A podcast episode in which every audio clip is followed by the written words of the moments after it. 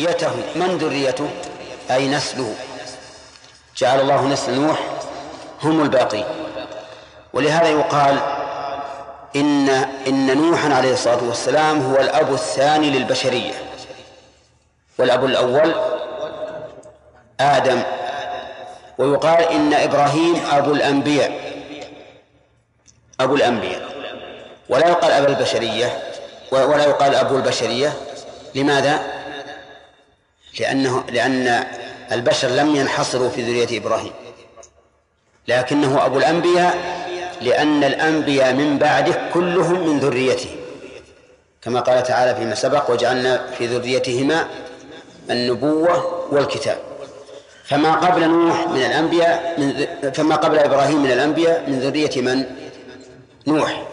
وما بعد نوح وما بعد إبراهيم من الأنبياء من ذرية نوح وإبراهيم. لأن إبراهيم من ذرية نوح. طيب وجعلنا ذريته هم الباقين. قال المؤلف فالناس كلهم من نسله عليه السلام.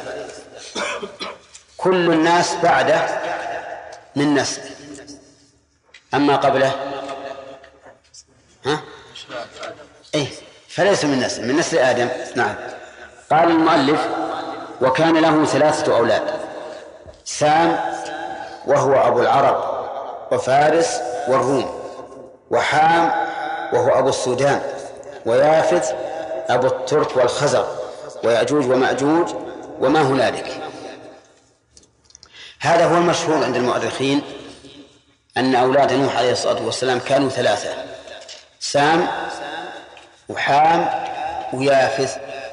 لكن لم تأتي لم يأتي هذا بسنة صحيحة عن النبي صلى الله عليه وسلم ولا في القرآن ما يدل على ذلك فالأولى أن نقول إن الناس بعد نوح من ذريته وأما هذا التقسيم فيحتاج إلى دليل وليس هناك دليل من كتاب الله ولا من سنة رسوله صلى الله عليه وسلم على ذلك. والله سبحانه وتعالى ذكر أن الأمم السابقة لا يعلمهم ها إلا الله. في أي آية؟ في سورة إبراهيم. ألم يأتهم؟ نبأ الذين من قبلهم قوم نوح وعاد وثمود والذين من بعدهم لا يعلمهم إلا الله.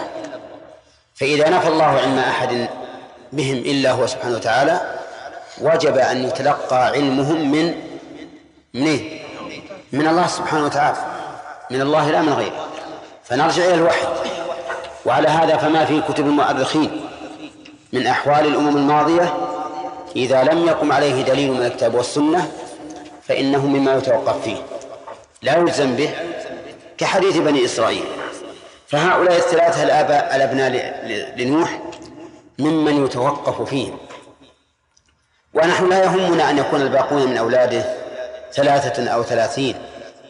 المهم أن نؤمن بما دل عليه كتاب الله وهو أن ذرية نوح هم الذين بقوا.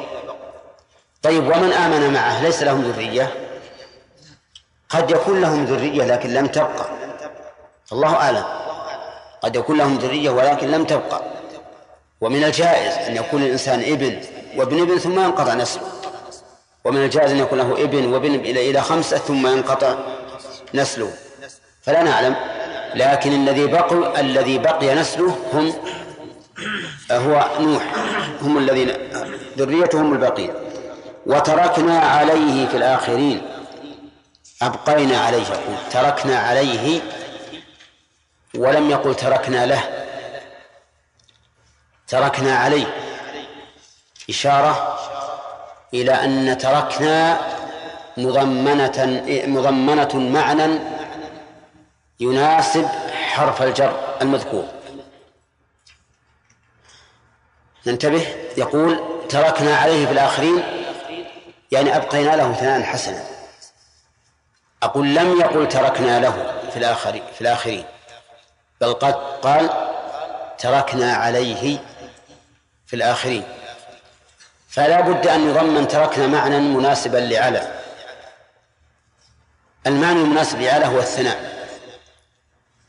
يعني أثنينا عليه ثناء متروكا في الآخرين. وهو كذلك. فإن الله سبحانه وتعالى أثنى عليه ثناء من أفضل الثناء. قال ذرية من حملنا مع نوح إنه كان عبدا شكورا. عبدا شكورا. هذا ثناء أعظم ما يكون من الثناء وأشرف ما يكون من الفخر. أن الله عز وجل يصف واحدا من بني آدم يقول إنه كان عبدا شكورا. يعني قائم يعني قائما بالعبودية وقائما بالشكر عليه الصلاة والسلام. طيب. إذن أبقى الله عليه ثناء حسنا في الآخرين. شوف إلى آخر آخر الأمم بل إلى يوم القيامة. لأن هذا الكتاب سيبقى إلى أن يرفعه الله عز وجل عند قرب قيام الساعة. وكل هذا القرآن فيه الثناء على نوح.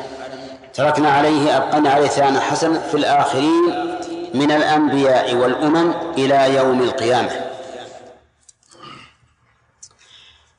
والظاهر من الآية الكريمة أن جميع الأنبياء الذين جاءوا من بعد نوح كان يذكر فيهم نوح بالثناء الحسن. يذكر بالثناء الحسن. فتكون الأنبياء كلهم والأمم يطرون نوحا عليه الصلاة والسلام بما أثنى الله به عليه لأنه مذكور في كل الكتب. سلام على نوح سلام على نوح في العالمين. سلام مبتدأ. ونكر من أجل التعظيم. أي سلام عظيم. لأنه سلام ممن من الله. سلام على نوح في العالمين. هذا السلام معناه أن الله سلمه من القوادح التي تقدح فيه وحل محل هذه القوادح من البشر الثنى من الله سبحانه وتعالى. فجمع الله له بين أمرين بين الثناء وبين سلامته أو بين تسليمه مما يقدح فيه. ولهذا نقول سلام بمعنى تسليم. أي أن الله سلمه من كل ما يغيره من القوادح التي تقدح فيه من بني آدم. سلام على نوح في العالمين. المراد بالعالمين هنا من بعد نوح لا من قبله فيما يظهر. وعلى هذا فيكون عاما يراد به الخاص. قال تعالى إنا كذلك نجزي المحسنين. إنا ألف. ولكن المراد بها التعظيم. فإن الله واحد سبحانه وتعالى ولكنه إذا ذكر اسمه بما يدل على الجمع فالمراد به إيش؟ المراد به التعظيم. كذلك أي مثل هذا الجزاء نجزي المحسنين. يعني كل كل من أحسن فإن الله سبحانه وتعالى يجزيه كما جزى نوحا عليه الصلاة والسلام. وقد جزى الله نوحا بأمرين بما ترك عليه في الآخرين وبما سلمه في العالمين. فكذلك من كان مؤمنا بالله عز وجل محسنا إلى في عبادته وإلى عباده فإن الله تعالى يجزيه كما جزى نوحا. ولذلك تجدون أئمة المسلمين تجدون أن الله تعالى وضع في قلوب الناس وألسنتهم الثناء عليه على الرغم من أن من الناس من يقدح فيهم. لأن كل واحد من أهل الخير لا بد أن يقدح فيه واحد من أهل الشر. وكذلك جعلنا لكل نبي عدوا من المجرمين. وكذلك كل من تمسك بهدي نبي فإن له عدو فإن له عدوا من المجرمين بلا شك. لكن يقيض الله سبحانه وتعالى لهذا المؤمن من يبدل هذا القدح بالثناء ومن يدافع هذا القدح. ولهذا قال إنا كذلك نجزي المحسنين الذين أحسنوا والإحسان ينقسم إلى قسمين. إحسان في عبادة الله وإحسان إلى عباد الله. فالإحسان في عبادة الله لا نفسره بأحسن من تفسير رسول الله صلى الله عليه وسلم حيث قال الإحسان أن تعبد الله كأنك تراه فإن لم تكن تراه فإنه يراك. ماذا فهمتم من هذا الحديث؟ أن تعبد الله كأنك تراه فإن لم تكن تراه فإنه يراك. ماذا تفهمون؟ نفهم أن العبادة في القسم الأول عبادة طلب والعبادة في القسم الثاني عبادة هرب. معلوم هداية الله؟ ما هو معلوم. طيب. العبادة في, في الأول في القسم الأول عبادة طلب كأنك تراه. ومعلوم أن الله سبحانه وتعالى تشتاق إليه النفوس. فإذا كان يعبد الله كأنه يراه فسوف يلح في العبادة ليصل إيش؟ إلى محبوبه إلى الله عز وجل. فإن لم تكن تراه يعني إن لم تصل إلى هذه الدرجة وهي عبادة الرغبة والطلب فإنه يراك فاعبده عبادة هرب وخوف منه. وهذا ليس كالأول لأن هذا يعبد الله خوفا منه والأول يعبده طمعا. فالمرتبة الأولى أكمل من المرتبة الثانية. ولهذا جعلها النبي عليه الصلاة والسلام في الدرجة الثانية قال إن لم تكن تراه وتعبده على أنك كأنك تراه فإنه يراك فإياك أن تخالفه أو تقع في معصيته. هذا الإحسان في عبادة الله. أما الإحسان إلى عباد الله. فهو بذل المعروف إليهم. بالمال والبدن والجاه. وبعضهم قال هو بذل الندى وكف الأذى وطلاقة الوجه. بذل الندى يعني العطاء. كف الأذى أن لا تؤذي أحدا لا بقولك ولا بفعلك. طلاقة الوجه أن لا تقابل الناس بوجه عابس مكفهر. لأن الإنسان مهما كان إذا لقي الناس بوجه عابس مكفهر فليس محسن إليه. بل إن الله سبحانه وتعالى عاتب النبي صلى الله عليه وسلم وهو أفضل الخلق. حين حصل له ما حصل مع ابن مع عبد الله بن أم مكتوم. مع أن الرسول صلى الله عليه وسلم حصل له ما حصل اجتهادا منه. فقال فقال الله تعالى في في ذلك عبد الله ماذا قال؟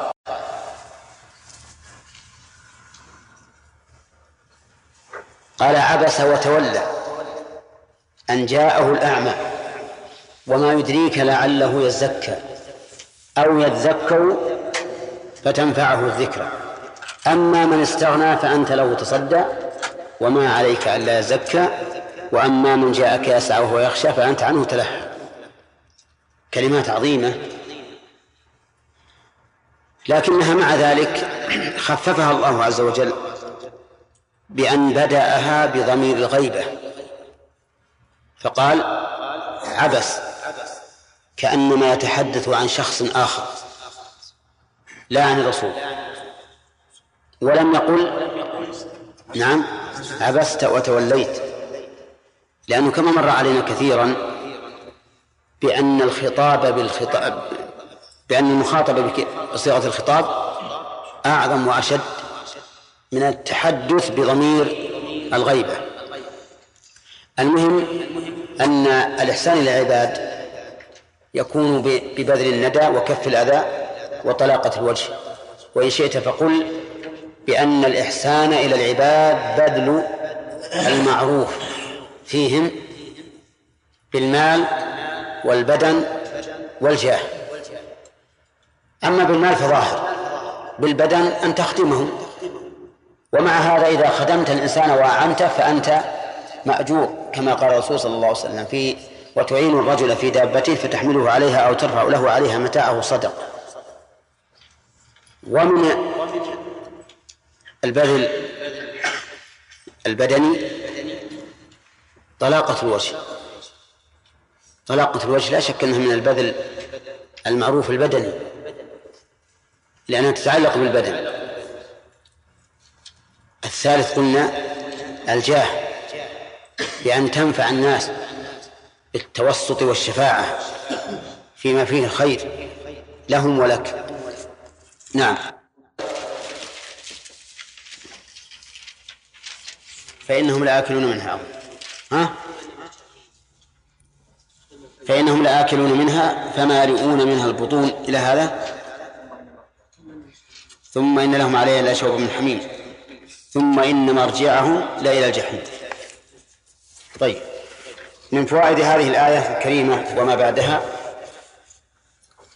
بيان أن هؤلاء أعني أهل النار والعياذ بالله لا يمكن أن يخرجوا من النار لقوله ثم إن مرجعهم لإلى الجحيم. ومن فوائدها أن ظاهرها يفيد تأبيد النار. لأنها المرجع النهائي. وهذا يقتضي أنه ليس هناك سواه. وهذا القول أعني أن النار مؤبدة هو القول المتعين الذي لا يجوز اعتقاد سواه. وذلك لأن الله تعالى ذكر التأبيد في ثلاثة مواضع من القرآن. في سورة النساء وفي سورة الأحزاب وفي سورة الجن.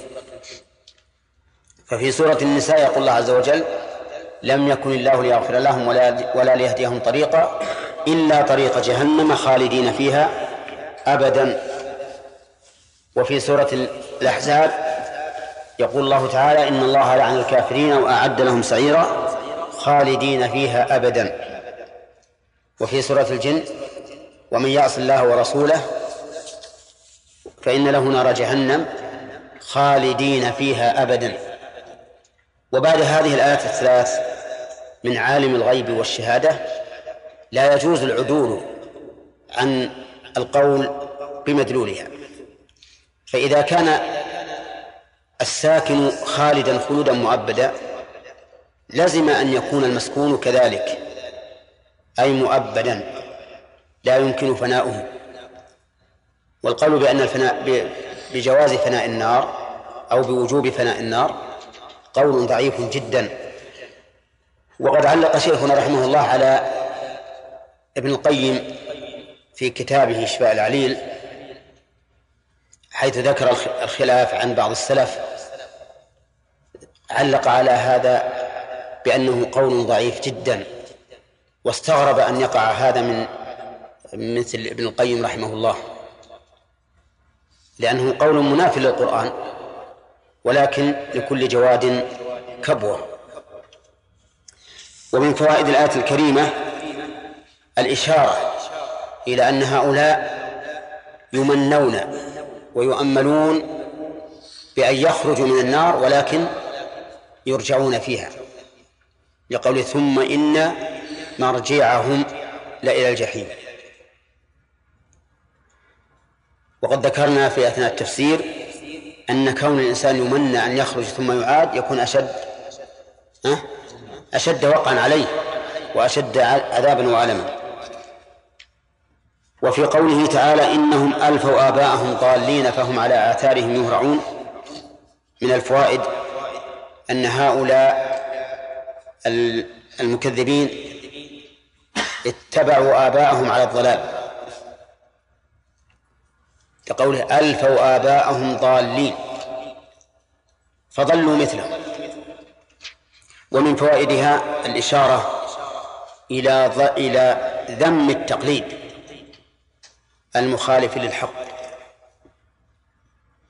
لأن الله تعالى ذكر هذا تنديدا بهم وتوبيخا لهم. أن يجدوا آباءهم ضالين ثم يتبعوهم ويدعوا طريق الحق. طيب فإذا كان التقليد للضرورة بحيث إن الإنسان لا يتمكن من الوصول إلى الحكم عن طريق الاستدلال فهنا يجوز التقليد للضرورة. لقول الله تعالى فاسألوا أهل الذكر إن كنتم لا تعلمون ولم يقل فاستنبطوا من القرآن والسنة إن كنتم لا تعلمون لأن من لا علم عنده لا يمكن أن يستنبط بنفسه. ولو حاول ولو حاول استنباط الأحكام من الأدلة وهو ليس عنده علم فسوف يضل ويتخبط خط عشواء.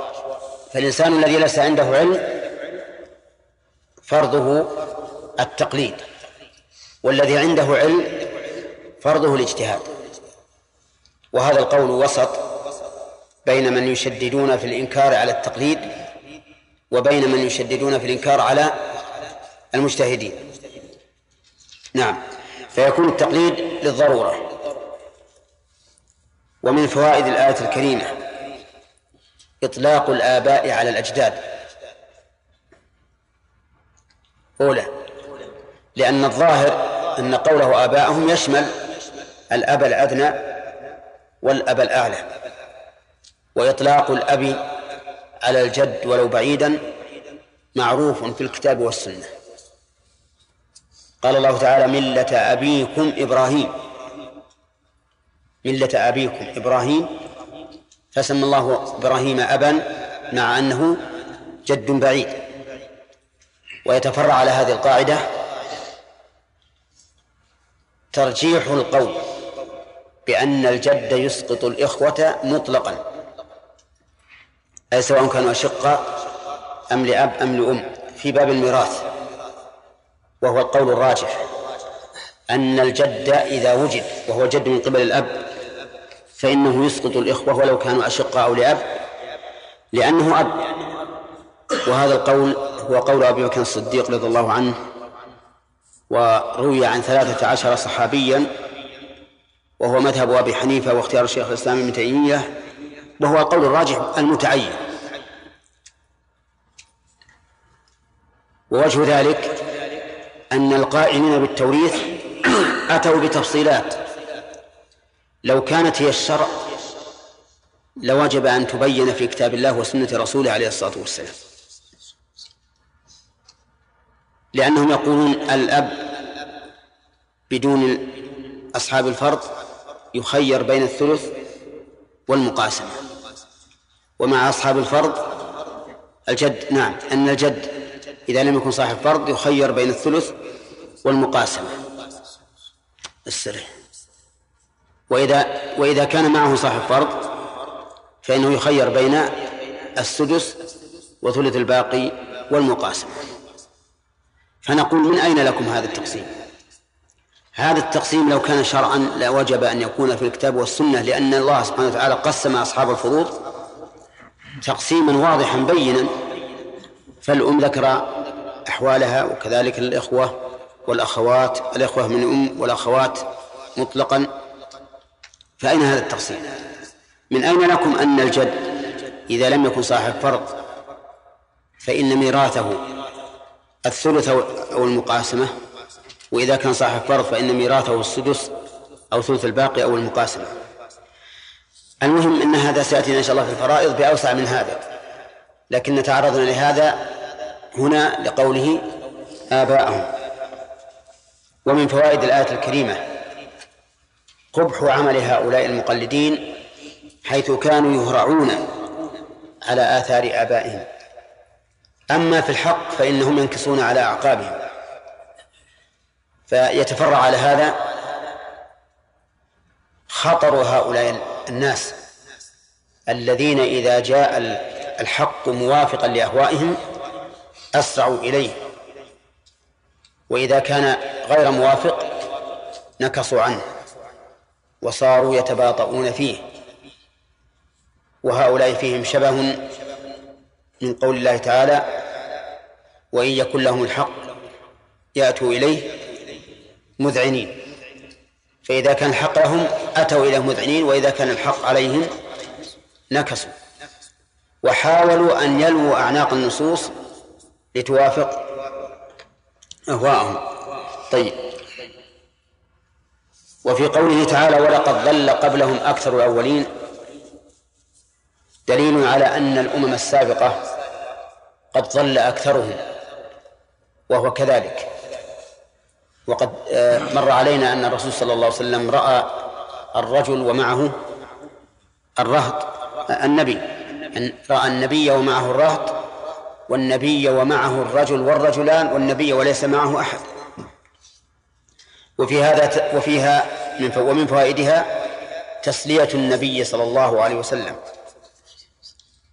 بذكر المماثل للذين كذبوه لأن الإنسان يتسلى ويتأسى بمصائب غيره. ومن فوائد من فوائد الآية عناية الله عز وجل برسوله صلى الله عليه وسلم حيث كان يضرب له من الأمثلة ما يسليه بها لأن سلو الإنسان بغيره يهون عليه الأمر ويزيده قوة واندفاعا فيما يدعو إليه. ومن فوائدها تهديد هؤلاء المكذبين لرسول الله صلى الله عليه وسلم أن يصيبهم مثل ما أصاب الأمم السابقة. وفي قوله تعالى ولقد أرسلنا فيهم منذرين دليل على أن الله تعالى أقام الحجة على كل أمة. يقال ولقد أرسلنا فيهم أي في الأولين منذرين. ويؤيد ذلك قوله تعالى وإن من قرية ها؟ إلا خلا فيها نذير. فكل القرى قامت عليها الحجة. ويستفاد من من الآية أيضا أن من لم تبلغه الحجة الرسالة فلا حجة عليه لأنه لم يبلغه الإنذار. وهو كذلك. ولكن ماذا يكون مصير هذا الرجل؟ أو ماذا يكون حكمه في الدنيا والآخرة؟ نقول أما في الدنيا فيحكم بما يتعبد به ويتدين به فإن كان يتدين باليهودية فهو يهودي أو بالنصرانية فهو نصراني أو بالمجوسية فهو مجوسي أو بالشيوعية فهو شيوعي. هذا في الدنيا. يعني أننا لا نجري عليها أحكام المسلمين في هذه الحال. لأنه يدين بغير الإسلام. أما في الآخرة فحكمه إلى الله عز وجل. وأصح الأقوال في هذا أن الله سبحانه وتعالى يمتحنهم بما يشاء. فمن أطاع منهم دخل الجنة ومن عصى دخل النار. نعيد هذه المسألة. ما حكم من لم تبلغه الرسالة في الدنيا؟ حكمه حكم ما يدين به لأننا ليس لنا إلا الظاهر. أما في الآخرة فأمره إلى الله عز وجل. يقيم الله له امتحانا يوم القيامة بما يشاء فإذا أطاع دخل الجنة وإذا عصى دخل النار. فإذا قال قائل وهل في الآخرة تكليف؟ ألستم تقولون إن التكليف ينقطع بالموت؟ فالجواب نعم في الدنيا في الآخرة التكليف. قال الله عز وجل يوم يكشف عن ساق ويدعون إلى السجود فلا يستطيعون. ودعوتهم إلى السجود تكليف. نعم. ومن فوائد الآية الكريمة أنه ينبغي في الخطاب أن يذكر ما يناسب المقام وأن يحذف ما يكون ما تكون الفصاحة في حذفه. وجهه أنه اقتصر هنا على ذكر الإنذار بالنسبة للرسل مع أن الرسل عليهم الصلاة والسلام حالهم الإنذار والتبشير. قال الله تعالى رسلا مبشرين ومنذرين لئلا يكون الناس الله حجة بعد الرسل. ومن فوائد الآية الكريمة رحمة الله سبحانه وتعالى بالخلق حيث لم يكلهم إلى عقولهم في تعبدهم لربهم عز وجل. ما وجهه؟ أنه أرسل إليهم الرسل. وأرسل إليهم الرسل أيضا ليس مجرد يقول اركعوا واسجدوا واعبدوا ربكم وافعلوا الخير. لا بل قرن دعوتهم بماذا؟ بالإنذار والتبشير ليكون ذلك حافزا لهم على فعل الأوامر واجتناب النواهي. ومن فوائد قوله تعالى فانظر كيف كان عاقبة المنذرين. تنبيه العاقل إلى النظر في عواقب المكذبين وكذلك في عواقب المجيبين فإن الإنسان مأمور بالنظر في حال هؤلاء وهؤلاء.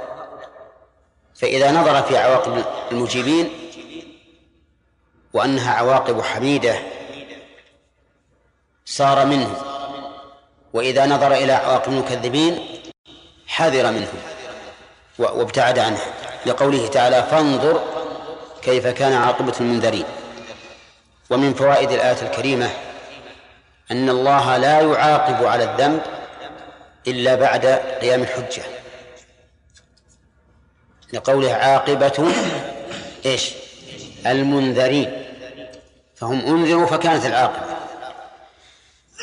ومن فوائد الآية الكريمة الإشارة إلى أنه ينبغي للناظر أن ينظر إلى كيفية العقوبة لتكون أعظم في تصوره من وجه وليعرف حكمة الله عز وجل في مناسبة العقوبة لإيش؟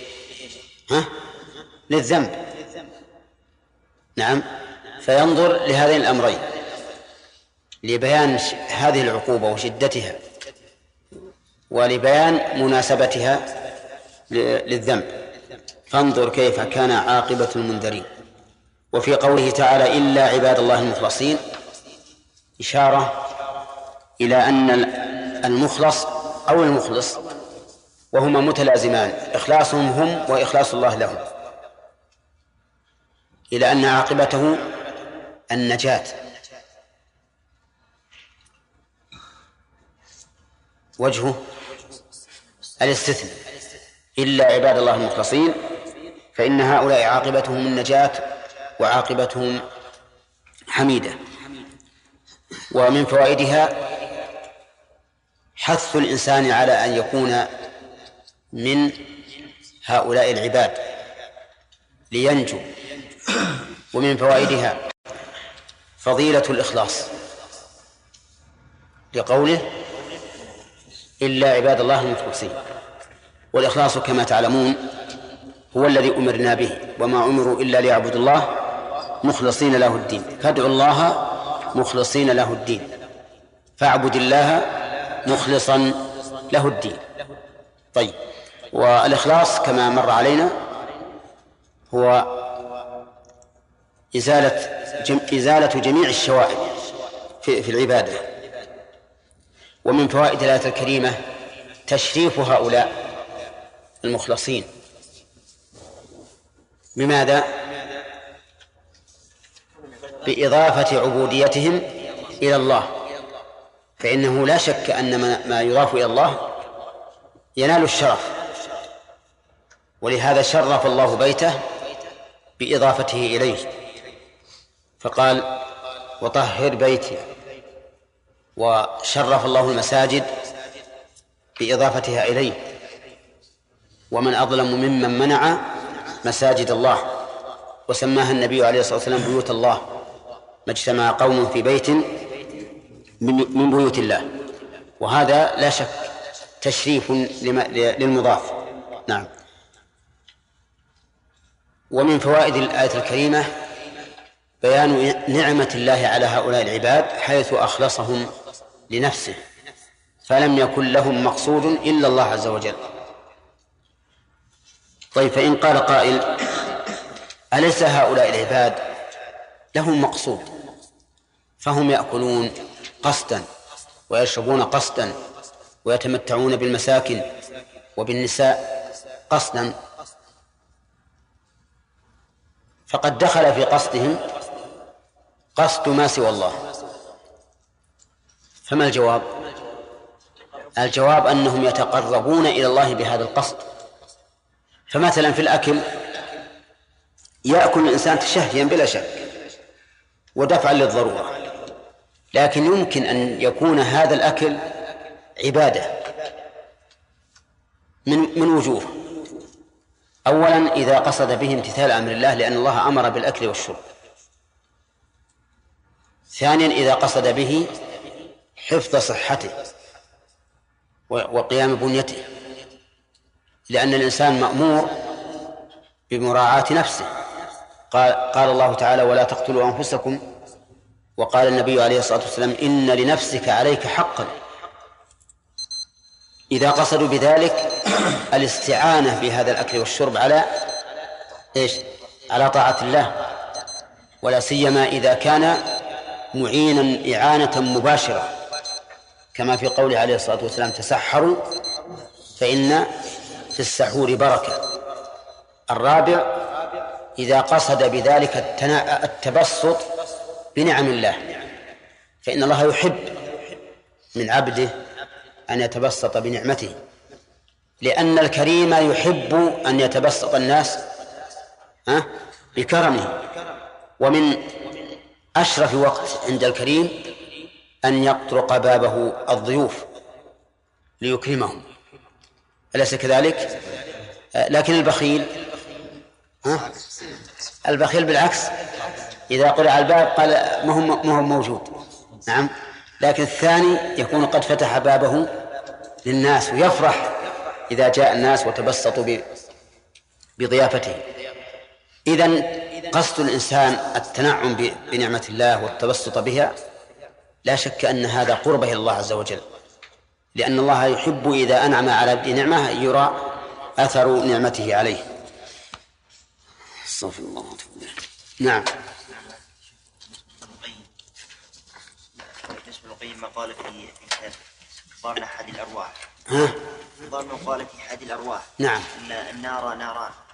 نار الكفار ونار عصاة الموحدين أما نار عصاة الموحدين فيه لتفنى أما نعم. نار الكفار لا تفنى أليس تفصيل هذا؟ يقضي على قول ابن القيم لم يقل بفناء نفناء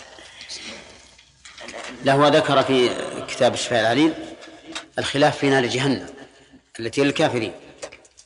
نعم. أليس أليس هذا تقييد ما أطلق فيه؟ ما هو بعد أو أو قول ثاني. الكلام على تعليق شيخنا على هذا على هذا الذي وجده أمامه. نعم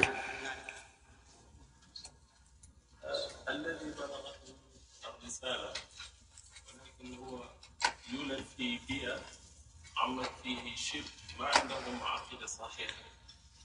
وهم قد غرسوا في قلبه عداوة بين هو وبين الذين عندهم العقيدة الصحيحة. وما حكمه؟ الظاهر انها أنه قد قامت عليه الحجة. لأن الله تعالى أقام الحجة على المشركين مع أن عامة المشركين أو عوام المشركين لا يفهمون هو مسلم يعني ولكن إيه لكنه لكنه مسلم مشرك. مسلم مشرك.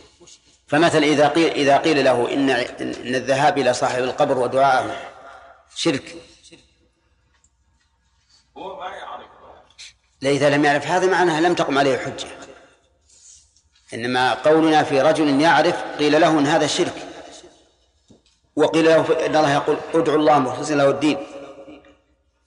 وقال له إن الله يقول قال وقال ربكم ادعوني استجب لكم إن الذين يستكبرون عن عبادتي سيدخلون جهنم داخلين. وبين له الآيات. أما مجرد أن يأتيه رجل من الناس وترى إن هذا شرك فقد لا يكون في هذا إقامة حجة. عرفت؟ في بعض الناس لا يعرفون من الإسلام إلا يعني اسمه فقط لا يعرفون ما هو الإسلام. يعني هذه المسألة تنبني على خلاف العلماء. هل العذر إقامة الحجة أو فهم الحجة؟ فمن العلماء من يقول إذا قامت الحجة سواء فهمها المدعو أم لم يفهم فلا عذر له. ومنهم من يقول لا بد من أن يفهم الحجة. تقام عليه ويفهمها. أما إذا أقيمت مثلا بعث رسول يدعو إلى الهدى ولكن ما فهم هذا الشيء فإنها لا تقوم عليه الحجة لأن الله تعالى قال وما أرسلنا من رسول إلا بلسان قومه ليبين لهم. فيضل الله من يشاء ويهدي من يشاء. بعد أن يبين ويعرف ينقسم الناس في هؤلاء الرسل إلى إلى ضال ومهتدي. والمسألة تحتاج إلى تأمل في الواقع. هل يكتفى بمجرد قيام الحجة وعليه أن نبحث إذا قامت الحجة عليها أن يبحث عن المعنى. فيقال أنت فرطت. لماذا أصبر يا أخي؟ انتهى الوقت ما في أسئلة الآن. فيقال لما لماذا لم تستفهم؟ فأنت مقصر. أو يقال إن الرجل إذا قامت عليه الحجة وبلغت لكن على وجه مشوش فهذا معذور. لا سيما إذا إذا مات في زمن لم يتمكن فيه من البحث والاستفسار. على كل حال هي مسألة لها غور عظيم وتحتاج إلى مراجعة كلام أهل العلم في هذه المسألة مراجعة تامة لأنها في في وقتنا الحاضر تدعو الحاجة إلى فهمها إذ أن فيه كثيرا من من المسلمين على هذا الوجه يعني بين لهم الحق أو عرض لهم الحق عرضا مشوشا كما يوجد بين أهل البدع الآن مثلا في ناس على- مثل بدعة الرافضة بدعة الخوارج بدعة الأشعرية بدعة المعتزلة. بدع كثيرة مشوش على الناس فيها ولبس فيها الحق بالباطل. فكثير من الناس يظنون ان إن الحق معهم وهم على بدعة على بدعة وضلالة. فالمسألة تحتاج الحقيقة إلى بحث تام في هذا الموضوع مراجعة كلام أهل العلم لا سيما العلماء المتحررون. في أفكارهم كالشيخ الإسلام ابن تيمية والشيخ محمد عبد الوهاب ومن أشبههم. أي نعم. على نوح في العالمين إنا كذلك نجزي المحسنين. إنه من عبادنا المؤمنين. ثم أغرقنا الآخرين. وإن كل هذا ضمن قريناه. وإن وإن من شيعته وإن من شيعته لإبراهيم إذ جاء ربه بقلب سليم إذ قال لأبيه وقومه ماذا تعبدون؟ أئفكا آلهة دون الله تريدون؟ فما ظنكم برب العالمين؟ فنظر نظرة في النجوم فقال إني سقيم. بس. بسم الله الرحمن الرحيم. أعوذ بالله من الشيطان الرجيم. سبق لنا بيان الفوائد وأظن وصلنا إلى قوله تعالى فانظر كيف كان عاقبة المنذرين. ها؟ أي ولقد نادانا؟ قال الله عز وجل ولقد نادانا نوح فلنعم المجيبون. إلى آخره. في هذه الآية من الفوائد بيان تأكيد الشيء بالقسم إذا دعت الحاجة إليه وأن هذا من فصيح الكلام لأن الله سبحانه وتعالى أكد هذا بالقسم واللام وقد ومن فوائده حث النبي صلى الله عليه وسلم وغيره على دعاء الله سبحانه وتعالى. وأن الله إذا إذا ناداه عبده بالدعاء أجابه. ومن فوائدها إثبات سمع الله. لقوله ولقد نادانا نوح فلنعم المجيبون. ولا إجابة إلا بعد السمع. ومن فوائدها الثناء على نوح عليه الصلاة والسلام وذلك بلجوئه إلى ربه عند حلول المضايق. ومن فوائد قوله فلا نعم المجيبون الثناء على الله سبحانه وتعالى بكمال الإجابة. لأن الثناء على المجيب يستلزم الثناء على الإجابة. فإجابة الله عز وجل ليست كإجابة غيره بل هي إجابة فضل وإحسان. قد يعطي الإنسان أكثر مما سأل. ومن فوائدها بيان رحمة الله سبحانه وتعالى بإجابته دعوة الداعي وبيان قدرته على إجابة الدعوة لأن الإجابة تستلزم القدرة عليها إذ أن العاجز لا يمكن أن يجيب. ومن فوائدها بيان عظمة الله وذلك بالإتيان بالواو في صفته في قوله المجيبون. فإن هذه قطعا ليست للجمع لأن الله واحد ولكنها للتعظيم. ومن فوائد قوله ونجيناه وأهله من الكرب العظيم بيان أن أن قومه أصيبوا بكرب عظيم وهو الهلاك بالغرق وأن الله سبحانه وتعالى نجى نوحا وأهله. ومن فوائدها أيضا بيان قدرة الله حيث حل العذاب بهذه الأمة فنجا قوم وغرق قوم. ومنها أي من الفوائد كمال عدله سبحانه وتعالى. حيث عامل كل واحد أو حيث جاز كل واحد بما يستحق فمن استحق النجاة نجاه ومن استحق الهلاك أهلكه. ومن فوائدها جواز استعمال العموم أو جواز إطلاق العام وإن كان مخصوصا. لأن قوله أهله يشمل إيش؟ المؤمن والكافر منه. وقد دلت آيات أخرى على أن من أهله من لم ينجو. ومن فوائد قوله وجعلنا ذريته هم الباقين أن نوحا عليه الصلاة والسلام هو الذي بقي نسله من بني آدم فكل من بعد نوح فهو من نسله. ولهذا يسمى الأب الثاني للبشرية.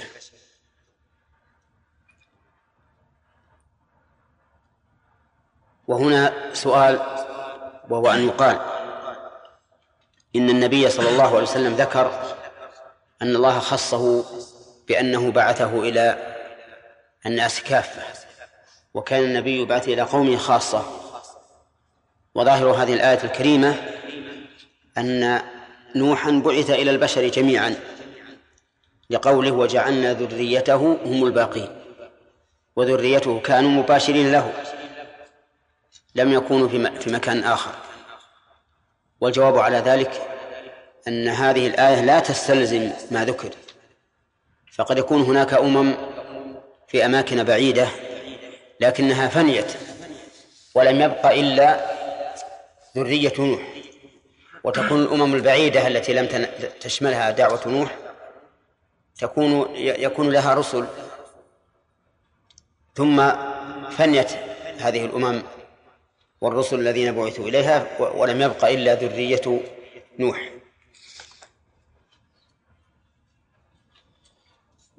ومن فوائد قوله وتركنا عليه في الآخرين. بيان فضل فضل الله سبحانه وتعالى العبد بثناء الآخرين عليه. لأن الميت إذا مات انقسم الناس فيه إلى قسمين قسم يثني ثناء حسنا وقسم يثني ثناء سيئا وقل من يتفق الأمة عليه بالثناء.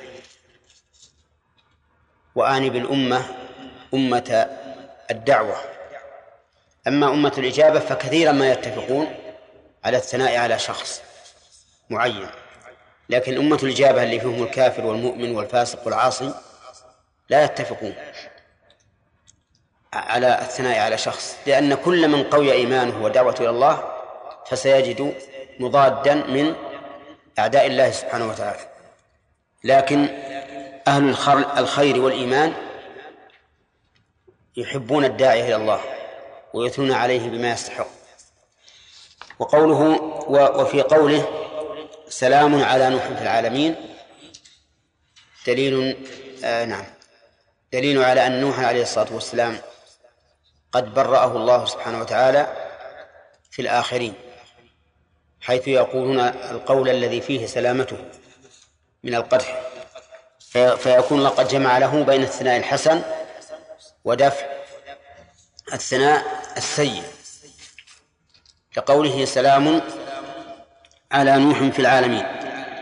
ومن فوائدها أيضا من فوائد الآية إطلاق العام وإرادة الخاص.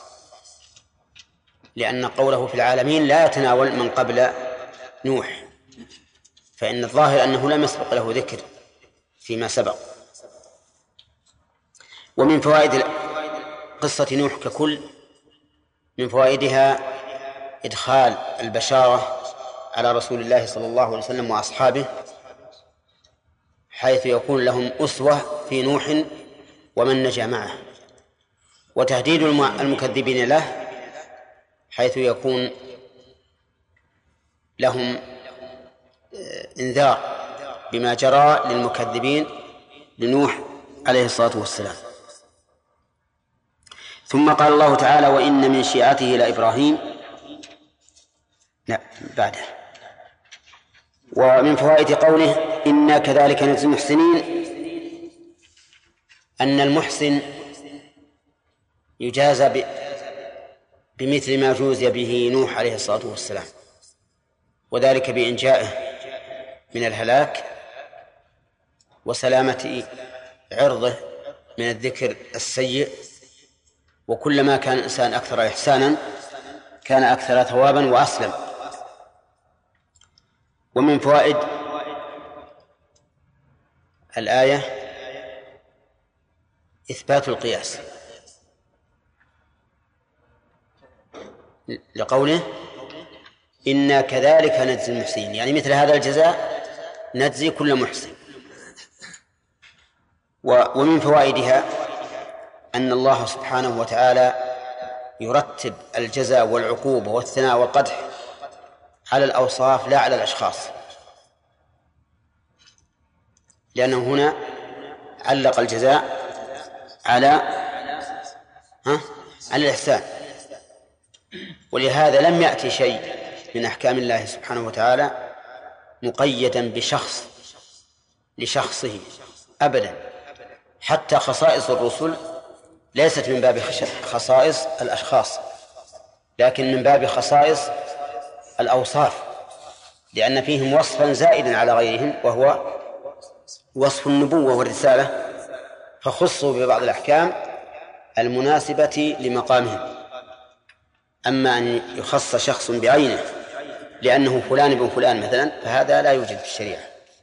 لأن الله سبحانه وتعالى يرتب الأحكام ويعلقها على الأوصاف لا على الأشخاص. نعم. ومن فوائد الآية قوله إنه من عبادنا المؤمنين. الإشارة إلى كمال هذين الوصفين وهما العبودية والإيمان وأنهما أشرف وصف يتصف به الإنسان أن يكون عبدا لله مؤمنا به. لأن الله قال إنه من عباد المؤمنين يعني نوحا ونوح عليه الصلاة والسلام من أولي العزم من الرسل.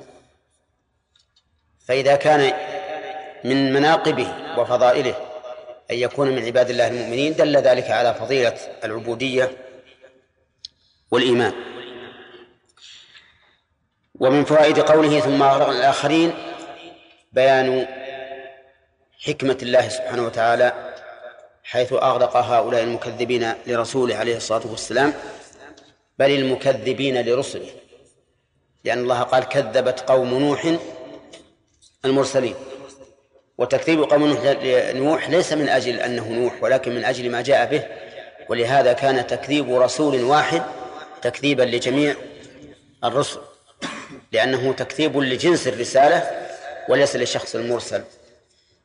ومن فوائدها أيضا إقامة العدل بإغراق هؤلاء المكذبين لأن الله سبحانه وتعالى لم يغرقهم ظلما بل هم الذين ظلموا أنفسهم.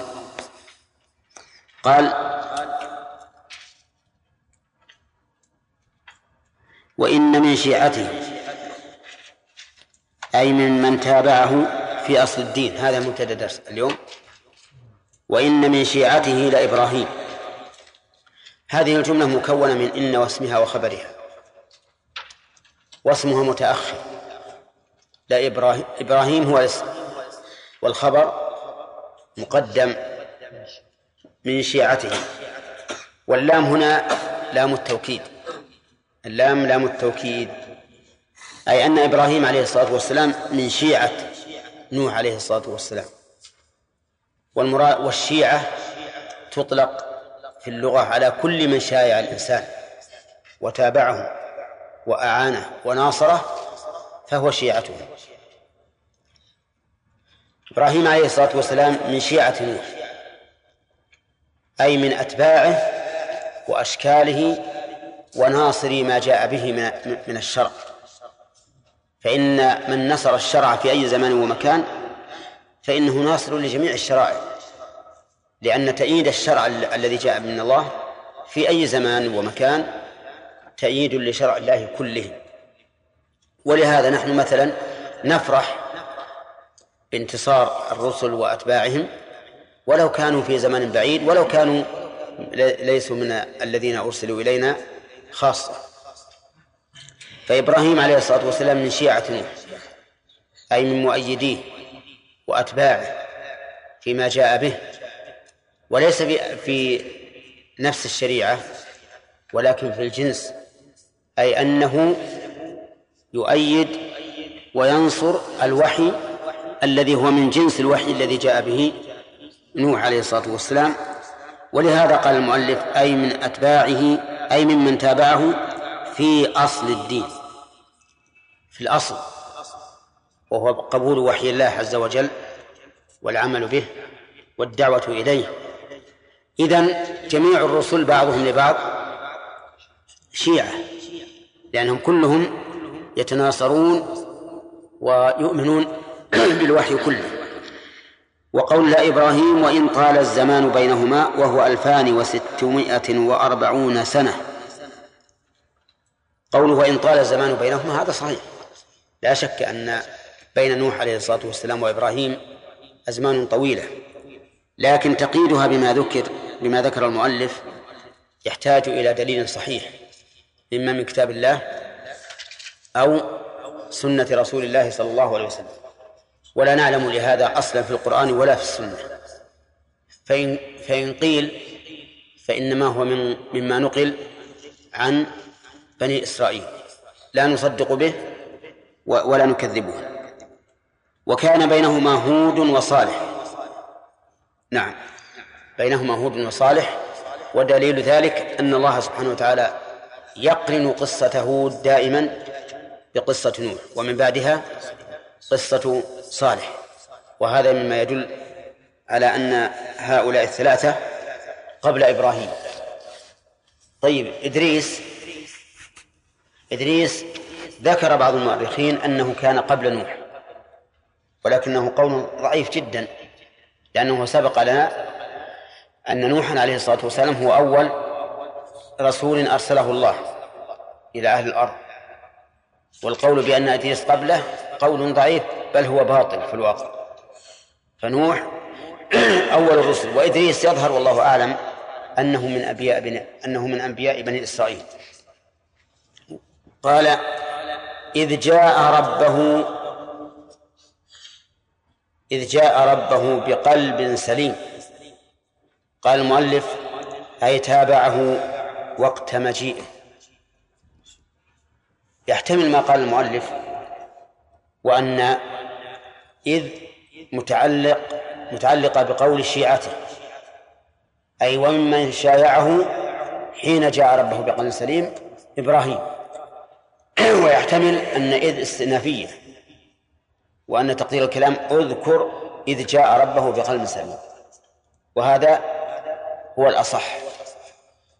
الصحيح أنها ليست متعلقة بذلك وأنه من شيعته وقت المجيء بل هو من شيعته وقت المجيء وغيره. لكن أراد الله تعالى أن ننوه بهذا الوصف العظيم لإبراهيم عليه الصلاة والسلام إذ جاء ربه بقلب سليم. قال إذ جاء ربه بقلب سليم من الشك وغيره. إذ جاء ربه متى مجيء متى مجيئه لربه. هل المراد جاء ربه حين لاقاه بعد الموت؟ أو جاء ربه حين آذاه قومه وهددوه بالإحراق؟ أم نطلق كما أطلق الله؟ الأولى أن نطلق كما أطلق الله.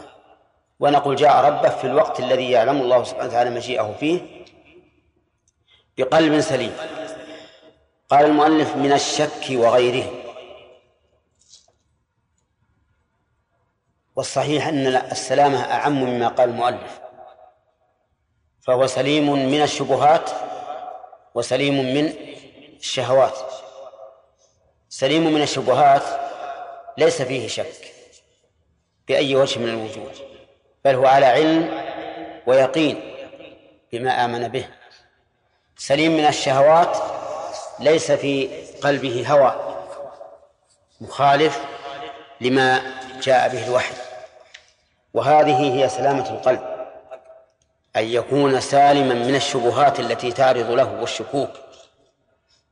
فيكون مؤمنا حقا وأن يكون سالما من الشهوات. وما هي الشهوات؟ الشهوات الإرادات المخالفة الإرادات المخالفة لما جاء به الوحي. فهل كل قلب يهوى ما جاء به الوحي؟ لا.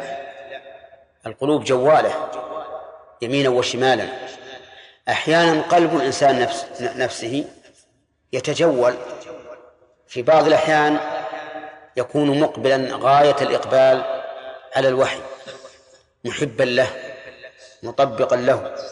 وأحيانا يجد فتورا فتورا عن الإقبال على الوحي وفتورا عن تطبيق ما جاء به الوحي. ولهذا ينبغي للإنسان دائما أن يسأل الله سبحانه وتعالى الثبات على الأمر وثبات القلب. لا يرحمك الله. لأن القلب بين أصبعين من أصابع الرحمن يقلبه كيف يشاء. فعلى الإنسان أن لا يغتر بنفسه ولا يعجب بعقيدته. عليه أن يسأل الله دائما الثبات لأن القلب كما قلت يعتريه شبهات ويعتريه شهوات. أحيانا يكون الإنسان مؤمنا حقا ثم يلقي الشيطان في نفسه في قلبه شبهة فيعمى والعياذ بالله ويضل. أحيانا يكون إنسان صالحا مستقيما على أمر الله فيلقي الشيطان في قلبه شهوة فيضل ويتبع الشهوات. فالقلب السليم هو السالم من إيش؟ من الشبهات والشهوات بل فيكون إذا سلم من ذلك مستقيما على طاعة الله سبحانه وتعالى. إذ جاء ربه بقلب سليم إذ قال في هذه الحالة المستمرة له لأبيه وقومه. هذا نقول فيه كما قلنا في إذ جاء ربه أنها جملة استئنافية لبيان حال إبراهيم عليه الصلاة والسلام. فكان قلبه سليما صالحا في نفسه. ومع ذلك يحاول إصلاح غيره إذ قال إذ قال لأبيه وقومه موبخا لهم ماذا تعبدون؟ إذ قال لأبيه وقومه ماذا تعبدون؟ قال المؤلف موبخا لهم. فالاستفهام هنا بمعنى التوبيخ والتوبيخ يستلزم الإنكار وزيادة. يستلزم الإنكار عليهم وزيادة لأنك قد تنكر على الإنسان بدون توبيخ ولكن إذا وبخته فإن توبيخك مستلزم للإنكار عليه. قول إذ قال لأبيه سمى الله هذا الأب في سورة الأنعام. فقال وإذ قال إبراهيم لأبيه آزر أتتخذ أصناما؟ وكان أبوه مشركا. ووعده عليه الصلاة والسلام أن يستغفر له. سأستغفر لك ربي. نعم. ها؟ إنه كان بي حفيا. فاستغفر له. ولكنه لما تبين له أنه عدو لله تبرأ منه. ومحاورته بينه وبين أبيه في سورة مريم واضحة. كيف يخاطبه بالرفق واللين ولكن ذلك يخاطبه بالشدة والعنف. قال له لئن لم تنتهي لأرجمنك. واهجرني. يعني دعني واتركني مليا أي زمنا طويلا. إذ قال لأبيه وقومه ماذا تعبدون؟ ماذا تعبدون؟ هذا هذه جملة استفهامية. ولكن هل ذا ملغاة أو اسم موصول. يجوز يجوز الوجهان. فإن جعلناها اسما موصولا أعربنا ما مبتدأ وذا خبره. وجعلنا العائد محذوفا. والتقدير ما الذي تعبدونه؟ هذا يجعلناها اسما موصولا. وإن جعلناها ملغاة فإننا نعرب ماذا جميعا. ونقول ماذا اسم استفهام مفعول مقدم لتعبدون. ماذا تعبدون؟ أو نقول ما اسم استفهام مقدم وذا لا محل له من الإعراب حرف. أو بمنزلة الحرف ليس لها محل من الإعراب. على كل حال الإعراب لا يهمنا إنما معنى أنه أنكر عليهم وقال ما الذي تعبدون؟ هل تعبدون إلها حقا أو تعبدون إلها باطلا؟ أئفكا أئفكا في همزتيه ما تقدم؟ وهما وهو, وهو التحقيق والتسهيل التسهيل الثانية وإدخال ألف بينهما في التحقيق والتسهيل فتكون القراءات أربعا. يقول قال يا أبيه وقومه أئفكا آلهة دون الله تريدون؟ يقول إفكا مفعول له وآلهة مفعول به لتريدون والإفك أسوأ الكذب. أي أتعبدون غير الله؟ نعم. المؤلف رحمه الله أعرب لنا هذا هذه الجملة. فقال إن إفكا مفعول له أي مفعول لأجله. وأن دون وأن قوله آلهة مفعول لتريدون ودون الله صفة لآلهة. والاستفهام في قولها إفكا آلهة كالذي قبله لأي شيء؟ للتوبيخ. يعني أتريدون آلهة غير الله من أجل الإفك والكذب؟ يحملكم على هذا الإفك وهو أسوأ الكذب. المعنى أتريدون آلهة دون الله تعبدونها؟ فالإرادة هنا بمعنى القصد وال والآلهة بمعنى المألوهة هي المعبودة. تريدون ذلك؟ للإفك الذي أفكتموه وهو أسوأ الكذب. ولا شك أن أسوأ الكذب وأظلم الكذب من جعل مع الله إلها آخر. فإنه أكذب الكاذبين وأظلم الكاذبين أيضا.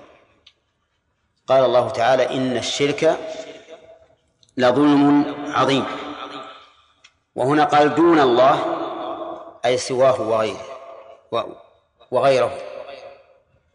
وربما تشعر بدون المنزلة أي أنها لا تساوي الله عز وجل فكيف تريدونها آلهة وتقصدونها؟ طيب يقول فما ظنكم برب العالمين إذا عبدتم غيره أنه يترككم بلا عقاب إلى آخره؟ قول فما ظنكم برب العالمين. الاستفهام هنا استفهام تهديد على كلام المؤلف. يعني ماذا تظنون أن الله فاعل بكم إذا عبدتم غيره؟ أتظنون أن يترككم؟ والجواب؟ لا. ويحتمل أن المعنى إذا اتخذتم مع الله غيره إلها فما ظنكم به؟ أتظنون أنه يقبل هذه الشركة؟ فالله عز وجل لن يقبل. قال تعالى من عمل عملا أشرك فيه معي غيري تركته وشركه. أو فما ظنكم برب العالمين فما ظنكم بعظمته وجلاله. لو كنتم عظمتموه حق تعظيمه ما أشركتم به غيره. فالمهم أن هذه الاستفهام في قوله فما ظنكم تشمل كل هذه المعاني. تشمل كل هذه المعاني. ما ظنكم به أن يترككم هملا بدون عقاب؟ ما ظنكم به إذا اتخذتم معه غيره أنكم تنقصتموه؟ ما ظنكم به أنه يرضى أن تعبدوا معه غيره؟ كل هذا أمر إن كانوا يظنونه فقد أساءوا الظن بالله ولم يقدروا الله حق قدره. ولكن هذه الظنون تلزمهم إذا اتخذوا مع الله غيره. لا يمكن أن يفروا عنها. وقول برب العالمين سبق لنا أن المراد بالعالم هنا ما سوى الله. ما سوى الله عز وجل. كل ما سوى الله فهو عالم. وسموا عالما لأنهم علم على الله. يستدل بمخلوقاته سبحانه وتعالى عليه. كما قال تعالى ومن آياته الليل والنهار والشمس والقمر ومن آياته أن خلقكم من تراب ثم إذا أنتم بشر تنتشرون. ومن آياته خلق السماوات والأرض واختلاف ألسنتكم وألوانكم. إن في ذلك لآيات للعالمين. إلى آخر ما, ما ما استدل الله به على نفسه من آياته.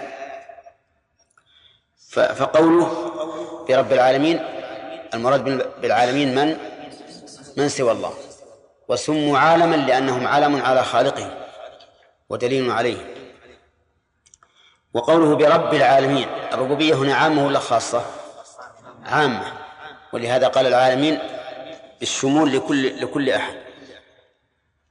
قال وكانوا قال المؤلف وكانوا نجامين فخرجوا إلى عيد لهم وتركوا طعامهم عند أصنامهم زعموا التبرك عليه فإذا رجعوا أكلوه وقالوا للسيد إبراهيم اخرج معنا فنظر نظرة في النجوم. هذا الكلام المقدم الذي زعم المؤلف أنه محذوف من باب الإيجاز بماذا؟ بالحذف. يحتاج إلى دليل. يحتاج إلى دليل أن هؤلاء القوم آه، صنعوا طعاما ووضعوه عند هذه الأصنام للتبرك عليه وأنهم آه، أرادوا أن يأكلوه بعد رجوعهم وطلبوا خروج إبراهيم معهم. كل هذا يحتاج إلى دليل. وذكرنا فيما سبق أن قصص الأنبياء السابقين لا يعلمه إلا إلا الله.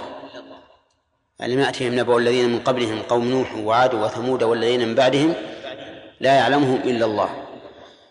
فإذا كانوا كذا فإذا كان الأمر كذلك فإننا لا نتلقى أخبار هؤلاء القوم إلا من الوحي إما بالكتاب وإما بالسنة. وما جاء من أخبارهم من غير هذا الطريق أي طريق الوحي فإننا نتوقف فيه. ما لم نعلم مناقضته للشرائع. فإن علمنا مناقضته للشرائع وجب علينا رده. فإذا نقتصر في هذه القصة على ما ذكر الله عز وجل. وأن إبراهيم في يوم من الأيام نظر نظرة في النجوم. نظر نظرة في النجوم من أجل محاجة قومه وإظهار عجزهم. فهو كقوله تعالى في سورة الأنعام عن محاجة قومه عن محاجة إبراهيم لقومه. لما جن عليه الليل رأى كوكبا فقال هذا ربي. فلما أفل أي غاب قال لا أحب الآفلين لأن الرب لا يمكن أن يغيب عن مربوبه. فلما غاب هذا النجم علم أنه ليس برب لأن الرب لا بد أن يكون له كمال الرعاية كمال الرعاية لمن كان ربا له. فلما رأى القمر بازغا قال هذا ربي والقمر أبين وأظهر من من الكوكب. فلما أفل قال لئن لم يهدني ربي لأكونن من الضالين. ها؟ من القوم الضالين. وهذا تعريض لقومه بماذا؟ بالضلال. شف... تدرج. الأول قال لا أحب الآفلين يعني وتبرأ من ذلك. الثاني عرض بأن قومه ضالون. لئن لم يهدني ربي لأكون من القوم الضالين فلما رأى الشمس بازغة قال هذا ربي هذا أكبر. وهو صحيح الشمس أعظم من القمر. فلما أفلت قال يا قوم إني بريء مما تشركون. فأعلن بشركهم وبالبراءة منهم وهذا من كمال محاجتهم. فلا يبعد أن تكون هذه الآية فنظر نظرة بالنجوم من جنس المحاجة المذكورة في سورة الأنعام. نعم.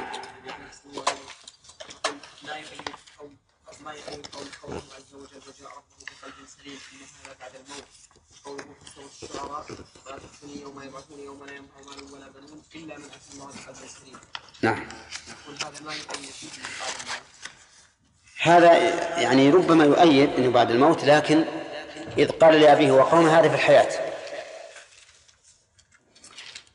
هذا في الحياة فهذا الذي يمنع الجزم بأنه بعد الموت ولهذا نطلق وجاء ربه مجيئنا الله اعلم بعد الموت أو في حال الحياة. نعم. من يؤلفها بعضهم في الانبياء يضعون بعد آدم إدريس وبعد إي نعم. هذه يجب بيان أنها كذب. غالبا ما يكون المصدر السماح من دار الافتاء غريب. ما ما ما رأيت هذا. ها؟ إيه لكن بعد من دار الإفتاء والله لا تكتبونيها أرنيها عشان نكتب لهم في الموضوع. ها؟ على كل حال نشوفها إن شاء الله وننبههم. نعم. يعني مثل المؤرخين يعني كيف يعرفون الساعة سمعت اليوم بالخطبة ذكرت. اي اي نعم نعم. نعم. اي نعم. هذا يسلمك الله. ال- ال- الكسوف الآن يعلم الماضي والمستقبل. الآن هم يحددون الكسوف بالمستقبل اولى يقول يحدثون يحددون كسوف المستقبل الآن. يقول لك يبدأ الكسوف في الساعة في الدقيقة الفلانية وينتهي في الدقيقة الفلانية. هم يعرفون الماضي كما يعرفون المستقبل. يعرفون الماضي كما يعرفون المستقبل. فحددوا الكسوف الواقع في عهد الرسول عليه الصلاة والسلام في ذلك اليوم. يوم الاثنين الموافق للتاسع والعشرين من شهر شوال سنة عشر في الساعة الثامنة والنصف في توقيت القاهرة. القاهرة. الثامنة والنصف. السابع والنصف في توقيت المملكة. أنا رجعت ال- الوقت هذا بالتوقيت الفرنجي. أظن مدري الله في يناير. نسيت في يوم من يناير. وجدت إن, إن إنه بين كسوفه وبين طلوع الشمس أربعين دقيقة. يعني ثلثين ساعة. والرواية بعض الروايات اللي جاءت في- مسند أحمد فلما ارتفع لما ارتفعت الشمس. قيد رمح. كأنهم يعني الكلام. ها؟ أقول كأنهم مصدقين في كلام إيه لأن هذا بيعلم في- بالحساب هذا شيء ماضي يعلم بالحساب. وفيه دليل على أن المؤرخين المؤرخين تدري متى يقولون؟ يقولون إن إبراهيم عليه الصلاة والسلام رضي الله عنه إنه توفي في عاشر ربيع الأول. إبراهيم ابن النبي صلى الله عليه وسلم في عاشر ربيع الأول. وهذا ما ما يمكن. الشمس ما يمكن تكسب في اليوم العاشر أبدا. ها؟ نعم؟ لأن سبب كسوف الشمس حيلولة القمر بينه وبين الأرض. وفي اليوم الثاني عشر من من ربيع ها؟ إي نعم العاشر من ربيع ما يمكن هذا. هذا لا لا يمكن أبدا. والقمر. والقمر ما يكون إلا في ليالي الإبداع. ما يصير ليلة 15 14 15 16 يعني يمكن ليالي الإبداع. لأن سبب كسوفه نعم الكوني السبب الكوني حيلولة الأرض بينه وبين الشمس. ولهذا لما مثل العلماء رحمهم الله قالوا إن طلعت الشمس والقمر كاسف فإنه لا لا تصلى صلاة الكسوف. نقول هذا فرض مستحيل. لأنه لا يمكن أن أن تجتمع الشمس والقمر في أفق فيحصل كسوف أبدا. ولا؟ لأنه يلزم الكسوف يلزم أن يكون هو تحت الأرض. علشان تحول بينه وبين القمر. أحيانا شيخ. ها؟ أحيانا ذا ما ما ما عمر سمعت من كذا كل مرة يقولون الشمس إيه. لا لا كسفت لكن حيث إنه ما بان ما, ما صلينا. لا كسفت عندنا. كيف؟ حطينا مراية لأنك بالعين ما تشوف. لكن حطينا مراية وشفناه كاسف يمكن حو- حوالي بين الثمن والربع. لكن اعلن على كثير من نعم. اعلن أكثر من مره واجد إيه. لا لا يقينا ما ما عندي فيه شك. وهذا شيء ذكره العلماء من قبلنا المحققين كالشيخ الإسلام ابن تيمية وغيره وابن حزم. قالوا ما ما يمكن هذا شيء لم بالحساب. ما هو ما هو بعلم غيب. نعم. وجهة نظر الفقهاء حينما قالوا إذا اجتمع كسوف وعيد ما يمكن. افترضوا لو اجتمع كسوف وعيد نقول هذا في شوال يعني في عيد الفطر. في عيد الفطر. إذا اجتمع كسوف وعيد علم أن اليوم ليس بعيد. وأن. وأن الشهود أخطأوا في شهادتهم. لأن كذب لأن وهم الراعي أمر ممكن. لكن اختلاف العادة التي أجراها الله أمر غير ممكن. نعم حتى يعني العلماء أيضا قالوا لو وقع لو وقع الكسوف وهو واقف بعرفة ها؟ كسوف القمر صلى ثم دفع. صلى ثم دفع لئلا تفوت الصلاة. هذه يقول شيخ الإسلام هذه مسألة فرضية لا يمكن أن تقع أبدا. لكن العلماء يقول الفقهاء يفرضون أشياء للتمرين على الأحكام الشرعية مثل يقول ما فرضوا في الوصايا والفرائض عشرين جدة. عشرين جدة من متى تكون عشرين جدة؟ بقطع النظر عن الملحق بأبوين أو ثلاثة أو أربعة أو خمسة. عشرين جدة وين؟ من يبي يبقى له عشرين جدة يرثنا؟ على كل حال هذه مسا- مسائل حسابية ما فيها أشكال يعني. ما فيها أشكال. نعم. ما لكم لا تنطقون. فراغ عليهم ضربا باليمين فأقبلوا إليه يزفون. قال تعبدون ما تنحتون؟ والله خلقكم وما تعملون. قالوا ابنوا له بنيانا فألقوه في الجحيم. فأرادوا به كيدا فجعلناهم الأسفلين. أعوذ بالله من الشيطان الرجيم. قال الله تبارك وتعالى وإن من شيعته لإبراهيم. ما معنى قوله من شيعته؟ ها؟ أي من الناصري في الشرع والوحي. أي نعم. وهذا المراد به في أصل الرسالة والوحي أو حتى في الفروع. نعم. العالمين مهند. الاستفهام هذا ما معناه؟ نعم. كيف الإنكار مقصود يعني ما تظنون بالله سبحانه وتعالى وعظامه يعني قال لكم إذا اتخذتم معه آلهة مم.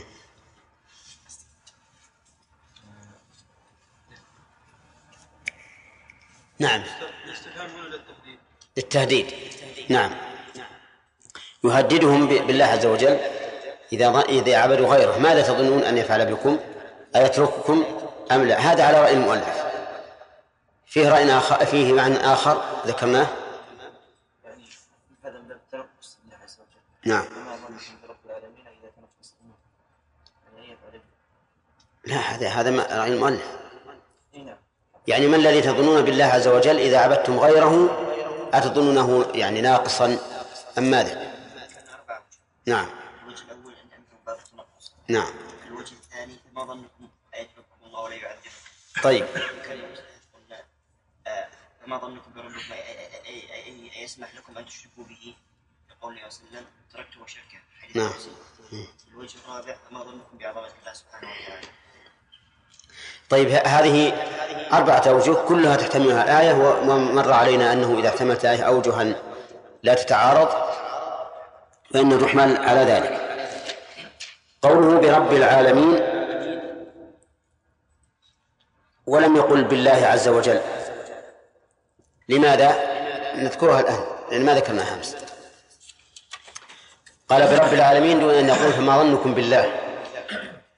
إشارة إلى أن هذه الآلهة المعبودة مربوبة لله عز وجل. فكيف تكون معبودة من دونه؟ فإن هذه الآلهة داخلة في ضمن العالمين لأن المراد بالعالمين من؟ أو ما سوى الله عز وجل. ومنها أو ومنهم هذه الآلهة المعبودة. فإذا كانت هذه الآلهة المعبودة عندكم في ضمن المربوبات لله عز وجل فكيف يمكن أن تعبدوها مع الله؟ وقد ضرب الله سبحانه وتعالى مثلا لهذا في الإنسان الم- المملوك. هل يرضى سيده أن يشاركه فيما يختص به سيده؟ ضرب لكم مثلا من أنفسكم. هل لكم مما ملكت أيمانكم من شركاء فيما رزقناكم فأنتم فيه سواء وش الجواب؟ لا. ها؟ ضرب لكم مثلا من أنفسكم. هل لكم مما ملكت أيمانكم من شركاء فيما رزقناكم فأنتم فيه سواء ها؟ لا. ليس كذلك. تخافون أن خيفتكم أنفسكم. ليس هذا. فليس لنا مما ملكت أيماننا من شركاء فيما رزقنا الله. وتأمل قوله فيما رزقكم الله يتبين لك أن هذا رزق الله ومع ذلك يحتكره الأسياد عن عن من؟ عن العبيد. فأنتم فيه سواء. وهذا هو محط الاستفهام. والجواب لا. وإنما قلنا هذا محط الاستفهام لأنهم شركاء لهم فيما رزقهم الله لكن بقدر القوت والضرورة. فالعبد مشارك لسيده يأكل ويشرب ويلبس كما يفعل السيد وهذا كل مشاركة في رزق الله. لكن هل هم مساوون لأسيادهم في ذلك؟ لا. إذا كان هكذا فلماذا تساوون غير الله بالله في عبادته؟ فالمهم أن قوله رب العالمين عليه الصلاة والسلام أراد بذلك إقامة البرهان على أن هذه الآلهة لا تصح لا تصح أن تكون آلهة. لماذا؟ لا. لأنها مربوبة لله عز وجل. لأنها مربوبة له. والمربوب عبد لا يصح أن يكون ربا. فما ظنكم برب العالمين؟ فنظر نظرة في النجوم إيهاما له نعم نظرة في النجوم إيهاما لهم أنه يعتمد عليها ليعتمدوه ليعتمدوه. فقال إني سقيم عليل أي سأسقم. فتولوا عنهم عنه إلى عيدهم مدبرين إلى آخره. نظر نظرة في النجوم. هذا إبراهيم عليه الصلاة والسلام نظر نظرة في النجوم أي نظر إليها. وإنما فعل ذلك لأن قومه كانوا يعبدون النجوم ويضعون لها الهياكل الهياكل في الأرض في الأرض. وأصل العبادة للنجوم. فنظر فيها في هذه النجوم. فلما نظر قال إني سقيم. وإنما نظر فيها وهو لا يعتقدها عليه الصلاة والسلام من باب التورية. وهذا تورية بالفعل. فكما تكون التورية بالقول تكون التورية بالفعل. فالتورية بالقول كثيرة ومعروفة. التورية بالفعل أن يري الإنسان غيره أنه يرى شيئا وهو لا يريده. أو أنه معرض عن شيء وهو قد وضع باله عليه. ربما مثلا تسمع اثنين يتحدثان وتفعل شيء كأنك معرض عنهما. يعني تبدأ مثلا تشتغل في كتاب تشتغل في أي عمل تريهما أنك إيش؟ غافل عما يتحدثان به. ولكنك تسجل ما يتحدثان به. هذا من التورية بالفعل. لأنه لأنك أظهرت لغيرك خلاف ما يراه. خلاف ما يراه. والتورية بالقول أظهرت لغيرك خلاف ما ما ما يسمعه. خلاف ما يسمعه. فإبراهيم عليه الصلاة والسلام ورى بالنظر في النجوم. ثم قال إني سقيم. وفسر المؤلف سقيم بمعنى سأسقم وهذه تورية أيضا تورية قولية.